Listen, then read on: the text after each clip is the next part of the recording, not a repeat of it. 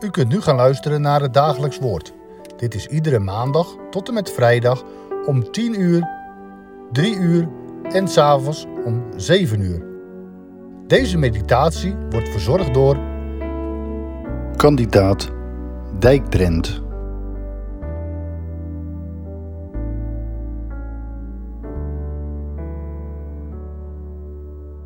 Geliefde broeders en zusters, we lezen met elkaar verder uit de brief van de apostel Paulus aan de Filippenzen, hoofdstuk 1, van vers 9 tot 11.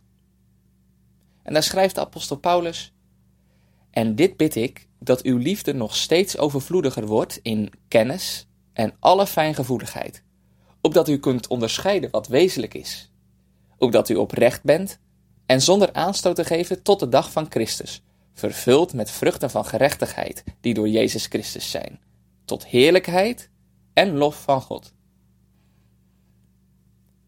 Wanneer Paulus aan de gemeente van Filippi denkt, is dit de bede die uit zijn hart opkomt: dat de liefde van de gemeente zal winnen in kennis en fijngevoeligheid, opdat men kan onderscheiden wat wezenlijk is.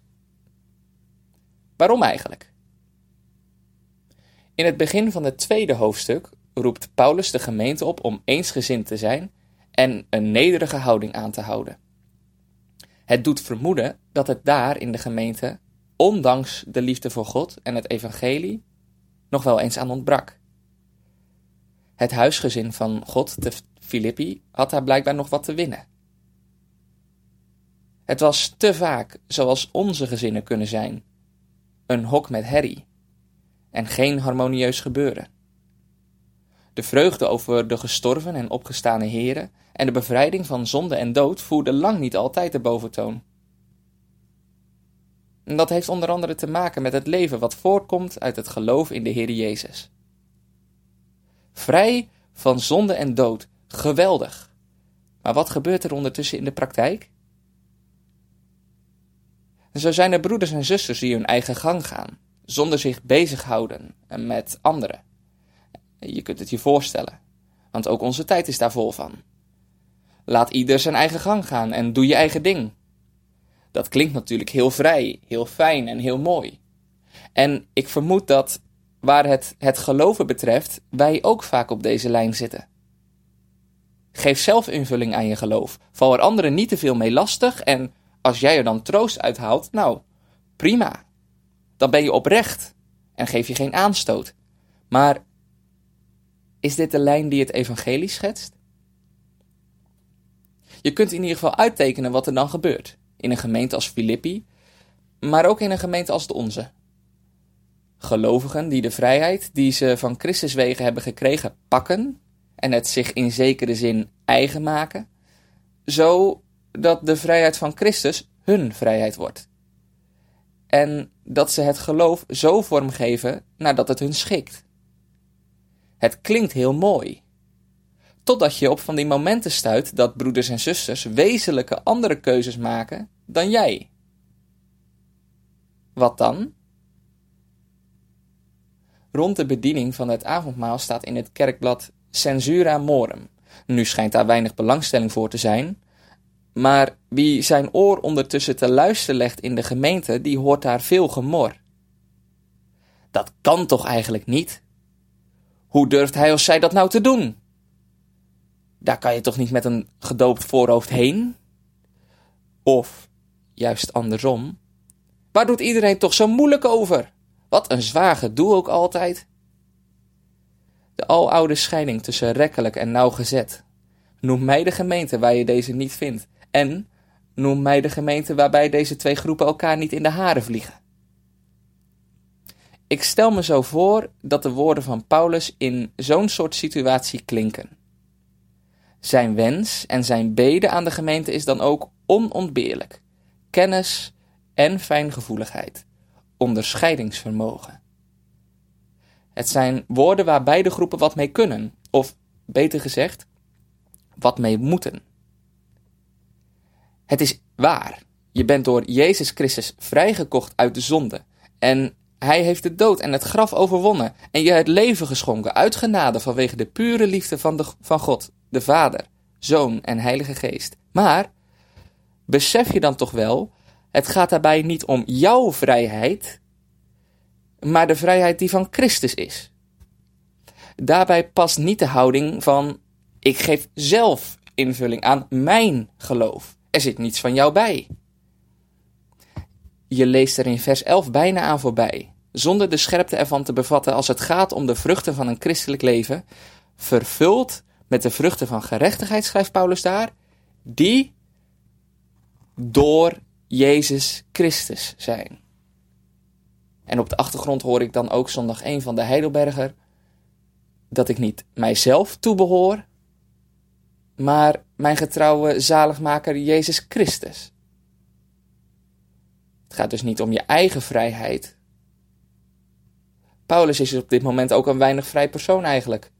Hij zit gevangen en toch, hij is door Jezus Christus vrij, maar niet op de manier zoals wij mensen dat vaak zien. Wie nog te menselijk denkt over vrijheid, laat die de beden van Paulus aan zijn adres horen. Laat uw liefde overvloediger worden in kennis.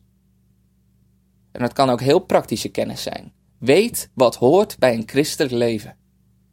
In het vervolg van de brief zal hij vaker op dat punt terugkomen. Bij geheiligd zijn door het offer van Christus hoort een heilig leven.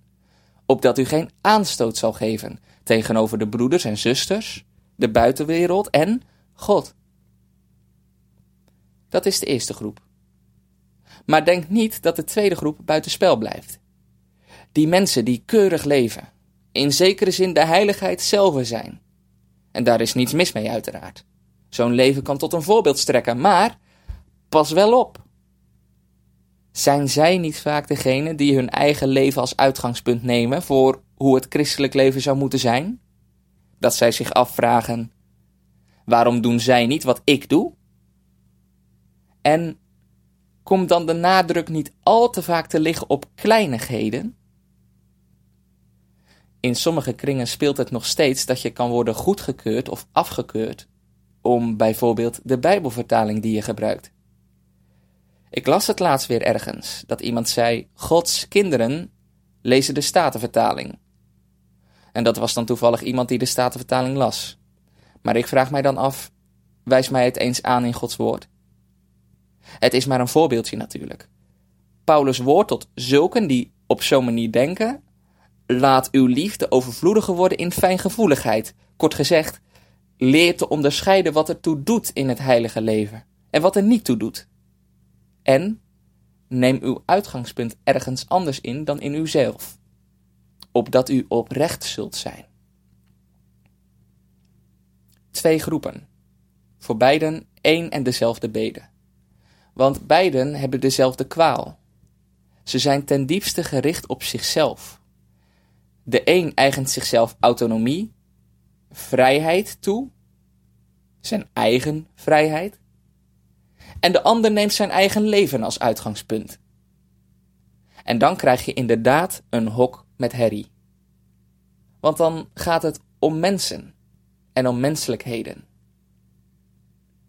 De enige remedie is daar waar de brief van Paulus aan Filippi vol van is en kernachtig is weergegeven in Filippenzen 2 vers 5, waar Paulus schrijft: Laat daarom die gezindheid in u zijn, die ook in Christus Jezus was. Als er nu een mens is wiens liefde overvloedig is in kennis en fijngevoeligheid, is het niet Jezus Christus? Daarom wilt u oprecht zijn en geen aanstoot geven tot zijn dag? Zie dan af van uzelf. Geef uw eigen vrijheid op en uw eigen heiligheid, uw eigen leventje. En zie op hem. Klamp hem aan en laat zijn gezindheid uw gemoed vervullen. En bid met de woorden die de zijne tot in alle volmaaktheid waren, maak in uw woord mijn gang en treden vast, opdat ik mij niet van uw paden mogen keren. En, wordt mijn vlees door het kwade licht verrast, laat het mij dan nimmer overheren, verlos mij, heren, van mensen overlast, dan zal ik u naar uw bevelen eren.